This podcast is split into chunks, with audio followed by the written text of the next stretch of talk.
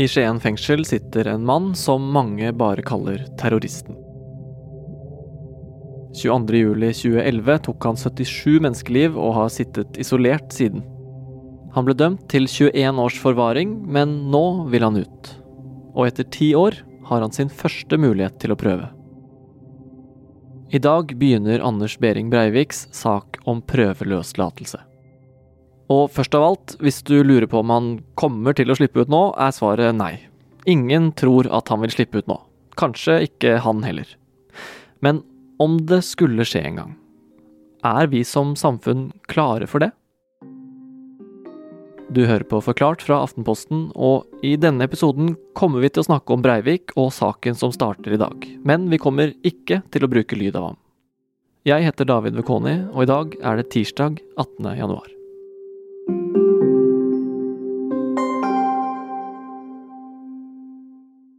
I dag så begynner det forhandlinger i Telemark tingrett, og det er fordi 22.07-terroristen Anders Behring Breivik, som for øvrig har byttet navn til eh, Fjotolf Hansen, han ønsker eh, å prøveløslates fra forvaringen som han eh, sitter i. Andreas Bakkefoss er tidligere Forklart programleder, men jobber nå som skrivende journalist her i Aftenposten. Og denne uka dekker han Breiviks forsøk på å bli løslatt. Det mener eh, statsadvokaten at han ikke bør få lov til, og da er det opp til en eh, dommer i retten å avgjøre om Breivik skal løslates på prøve eller ikke. Og det er ingenting eh, som tyder på at Breivik får medhold i det ønsket. Likevel sitter nå pårørende, berørte og overlevende rundt om i landet og forbereder seg på å se terroristens ansikt i mediene fremover. Jeg tenker jo mest på de som virkelig sliter. Og det er jo mange av de berørte etter 22.07 som faktisk må skjerme seg i disse dagene pga. medietrykket og det som er, og har veldig tunge dager. Tor Inge Kristoffersen er nestleder i Nasjonal støttegruppe etter 22.07, og jobbet selv i Høyblokka på terrordagen. Eh, jeg var på jobb på vaktsentralen i Høyblokka. Den ligger i kjelleren i Høyblokka, altså en etasje under bakken.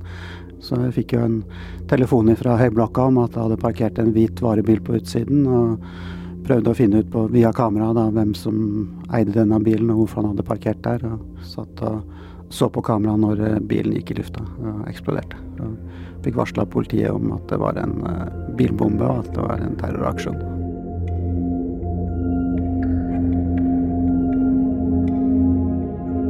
Men Andreas, du nevnte at det ikke er noe som tyder på at Breivik kommer til å komme ut nå, eh, eller i nær fremtid. Hvis alle allerede vet det, hvorfor blir denne saken noe av da?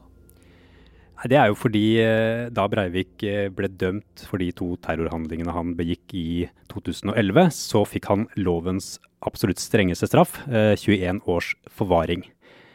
I den dommen så ble det satt en såkalt minstetid for hvor mange år han måtte sone i fengsel. Nå er det gått ti år, og den minstetiden er ute. og Da er det sånn at eh, Breivik får lov til å eh, begjære seg løslatt og få prøvd eh, saken sin i retten. Og så er det én ting til, eller egentlig grunnen til at det er sånn, da. Og det har med hvordan norske fengsler fungerer. Hva har det med saken å gjøre? Hele fengselsvesenet i Norge, eller kriminalomsorgen, har jo i alle år, eh, i alle fall frem til nå, handlet om at uh, de innsatte, de som settes inn i fengsel, uh, de skal på en eller annen måte på et eller annet tidspunkt vende tilbake til det samfunnet de var i, som lovlydige, rehabiliterte samfunnsborgere. Det er på en måte målet til norsk kriminalomsorg. Så målet til fengselet er ikke egentlig å holde folk eh, der, men å få dem ut igjen på et tidspunkt? Ja, du må bli frarøvet friheten eh, for en periode. Eh, og så gjennomgår man et slags eh, program, rehabiliteringsprogram. Eh, og så er tanken da at man skal komme ut igjen som, som et bedre menneske. Og så kommer det altså en mann som har drept 77 mennesker i to eh, terroraksjoner. og regnes som ekstremt farlig, og som mange da tenker aldri skal komme ut igjen. Likevel, ifølge Breiviks forsvarer i retten, Øystein Storvik, bør det være en såkalt progresjon eller fremgang i soningen, hvor Breivik etter hvert får litt mer frihet i fengselet. Men i tilfelle Breivik møter systemet vårt for rehabilitering en utfordring. Hvordan skal man klare å løse det med en eh, person som ikke vil snakke med psykolog, ikke vil snakke med psykiater, og som fengselet og de som jobber med han, anser som omtrent like farlig nå som for ti år siden?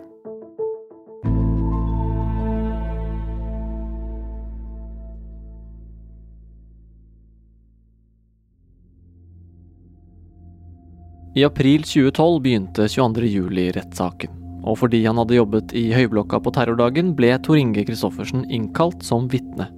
Jeg var jo litt sånn forberedt på at jeg kanskje måtte vitne, i og med at jeg hadde vært i avhør hos politiet og sånn, men fikk jo litt sjokk når jeg fikk brev fra Oslo tingrett, og liksom det sto første vitne, så sto navnet mitt. Da. Så sto Anders Behring Breivik, og så sto det under første vitne Tor Inge Christoffersen. Da kjente jeg at jeg fikk en veldig klump i magen og grua meg, og syntes det var litt skummelt å skulle være først ut da, men uh, når jeg først hadde vitna, så tenkte jeg at det kanskje var greit at jeg var først, så slapp jeg å grue meg så lenge. Så, men det var veldig, var veldig sånn klump i magen når jeg oppdaga at jeg faktisk skulle, skulle inn og vitne i hovedsaken. Hvordan var det å gjenoppleve den dagen da, i retten, når du fortalte? Nei, Det gikk veldig greit, for jeg var veldig, veldig fokusert på å skulle fortelle fakta av hva som hadde skjedd og sånn. og Det rareste var jo å sitte rett ved siden av han. Jeg prøvde jo å skulle se på han flere ganger og se om han turte å møte blikket mitt, men han turte ikke å se på meg under hele rettssaken. Breivik ble til slutt dømt til lovens strengeste straff, 21 års forvaring. Det viser jo, det viser jo at Norge er et demokrati, at vi faktisk klarer å forholde oss til de reglene som er. Det er jo, Selv om jeg kanskje personlig syns at straffen virker litt mild, så er jo den strengeste straffen vi hadde i Norge på det tidspunktet. Og ja, det må vi bare forholde oss til, så lenge vi følger de spillereglene som er. De siste ti årene har 22.07-terroristen sittet isolert i fengsel, uten kontakt med de andre innsatte. Altså Noe av det aller vanskeligste med rehabiliteringsdelen av Breivik, er jo at eh, de som jobber med ham, de som vurderer ham, psykiatere og ansatte i fengselet, eh, anser jo Breivik for å være akkurat like farlig som før. Eh, og Derfor så må det ta enormt eh, mye Eh, sikkerhetsrisiko i alt de gjør med Breivik. Han eh, sitter helt alene innerst i en gang eh, med en gitterport i enden av gangen. Han disponerer tre celler, og det er strenge, strenge sikkerhetsregimer rundt ham til enhver tid. Eh, vi vet f.eks. at bare at han skal ut i luftegården, eh, så må man jo stenge alle andre innsatte i fengselet inne, sånn at ingen ser Breivik. Og det er tre sikkerhetsvakter som må være med han ut og lufte. Så det er eh, veldig vanskelig å si, gi han en stor grad av frihet, fordi sikkerheten må være så streng. Men, men, mye av det her er jo ikke offentlig, åpen informasjon. Hvor mye innblikk får vi i rehabiliteringen hans fremover? Altså Mye av det vi vet til nå, vet vi jo fordi Breivik har vært flere ganger i retten, og da har det blitt lagt frem eh, dokumentasjon på hvordan situasjonen til Breivik er i soningen. Eh, og vi kommer til å få ganske mye innblikk i det fremover, dersom han fortsetter å begjære seg løslatt uh, hvert halvannet år fremover, som han jo faktisk har muligheten til. For da vil jo soningen hans eh, og risikovurderingene som blir gjort av han, eh, bli lagt frem som bevis i retten og, og, diskutert åpent der. Og dermed så vil jo også offentligheten få innsyn i mye detaljer om hvordan livet til eh, Breivik arter seg i fengselet. I tillegg har vi fått vite hvor farlig han fortsatt er. De siste ti årene har det nemlig blitt gjort flere psykiatriske vurderinger av Breivik og hans voldsrisiko. Psykiateren Randi Rosenquist har utført minst seks sånne vurderinger, og skal denne uka legge frem enda en. Randi Rosenquist har jo vurdert eh, Breivik eh, helt siden august 2011, rett etter at han ble pågrepet, eh, nærmest. Og det hun sier er at disse vurderingene av terroristen egentlig ikke har endret seg så veldig mye fram til i dag. Hun mener at Breivik har en dyssosial og dramatiserende personlighetsforstyrrelse fortsatt, og hun bruker bl.a. begrepet dyssosial psykopat for å beskrive personligheten hans.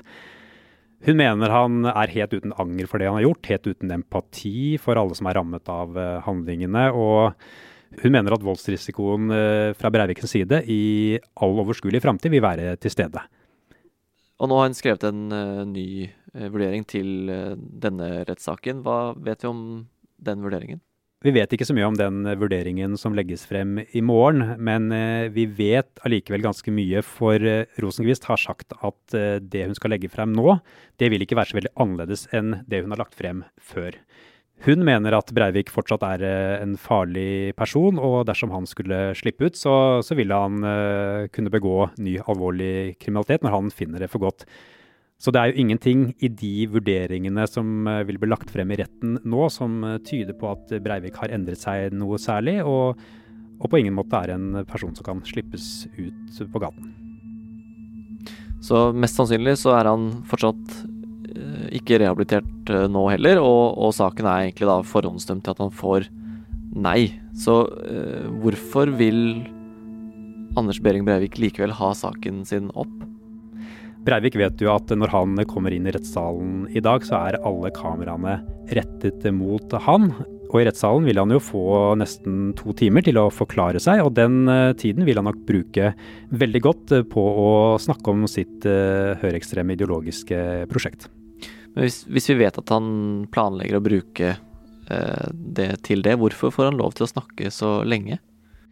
Det er fordi eh, lovverket i Norge er eh, som det er. Han eh, stiller i retten som en tiltalt person, og da har man jo lov til å forklare seg. Og så vil det jo variere ut fra sakens natur hvor lang tid han får.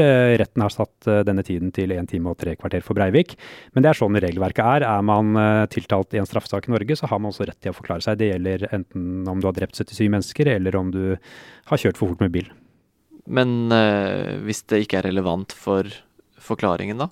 Det Breivik forklarer, det må være relevant for uh, saken, som jo handler om prøveløslatelse. Uh, og Breivik har jo brukt god tid på å forberede sin forklaring, så han vil nok prøve å holde seg så nærme saken som mulig for å få snakke mest mulig. Men uh, dommeren er jo også i sin fulle rett til å stoppe Breivik hvis han skulle gå utover det som retten mener er sakens kjerne. Rettssaken er ventet å vare til og med torsdag denne uka og streames live. Aftenposten har valgt å ikke vise direktesendingen og kun bruke enkelte klipp. Og det er nettopp medieomtalen som er noe av det tyngste for de berørte.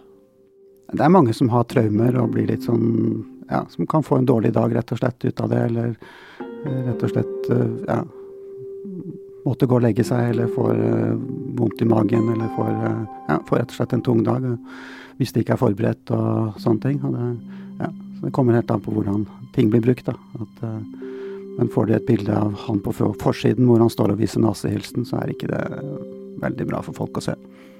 Hva tenker du mediene bør gjøre i forbindelse med en sak som det her?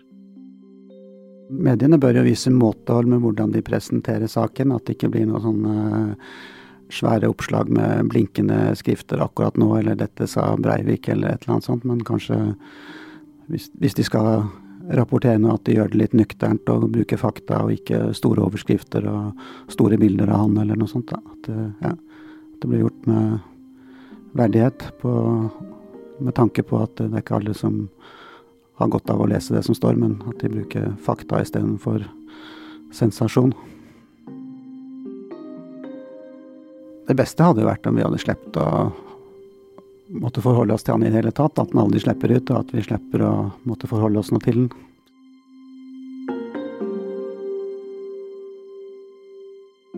Ehm, denne rettssaken markerer jo starten på en tid fremover hvor dette kan komme til å bli et tema eh, nesten årlig. Eh, nye prøveløslatelsessaker. Hvordan skal vi som samfunn forholde oss til det? Det er jo et interessant uh, spørsmål. Breivik vil jo ha rett til å begjære seg prøveløslatt uh, ganske ofte fremover, og han vil helt sikkert uh, gjøre det. Og, og tenke at tiden i retten vil være en arena hvor han kan komme ut med sitt budskap. Samtidig har det vært veldig viktig for rettsstaten Norge å forholde seg til Breivik som de gjør med alle andre, at de ikke skal lage noen egne regler eller lover eh, for han. Og da må man bare forholde seg til at eh, regelverket er sånn. Og eh, da må man i så fall heller endre lovene, hvis man mener at det er ille. Men det er klart at selv om det ikke er noen ting som tyder på at Breivik vil komme ut igjen på lang, lang, lang tid, og kanskje aldri, så vil jo disse rundene i retten minne oss på saken og minne oss på Breivik sitt budskap. Og minne oss på at det er jo en mulighet for at vi kanskje på et eller annet tidspunkt en eller annen gang i tiden må forholde oss til at uh, han uh, kan bli løslatt fra fengselet. Nå har han sittet i fengsel i ti år, og som du sier, vil nok fortsette med det i lang tid. Men så har ikke denne rehabiliteringen fungert. Hva gjøres hvis det aldri fungerer heller? Straffen Breivik har fått er jo en eh, forvaring, og det betyr at uh, selv om det har gått 21 år, så kan den forlenges med fem år av gangen. Dersom uh, fengselsmyndighetene og psykiatere og andre mener at Breivik fortsatt er en farlig mann og vil begå ny kriminalitet dersom han løslates, så vil han bli holdt inne i fengselet. Og om det aldri skjer at Breivik kommer på andre tanker eller viser noen tegn til å endre seg, så vil han jo med all sannsynlighet bli sittende inne bak murene i fengselet til han dør.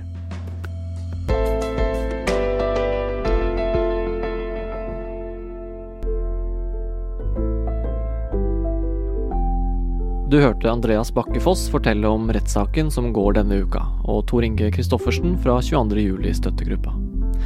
Episoden ble laget av produsent Fride Næss Nonstad og meg, David Vekoni. Resten av Forklart er Marte Spurkland, Synne Søhol, Anne Lindholm og Anders Weberg.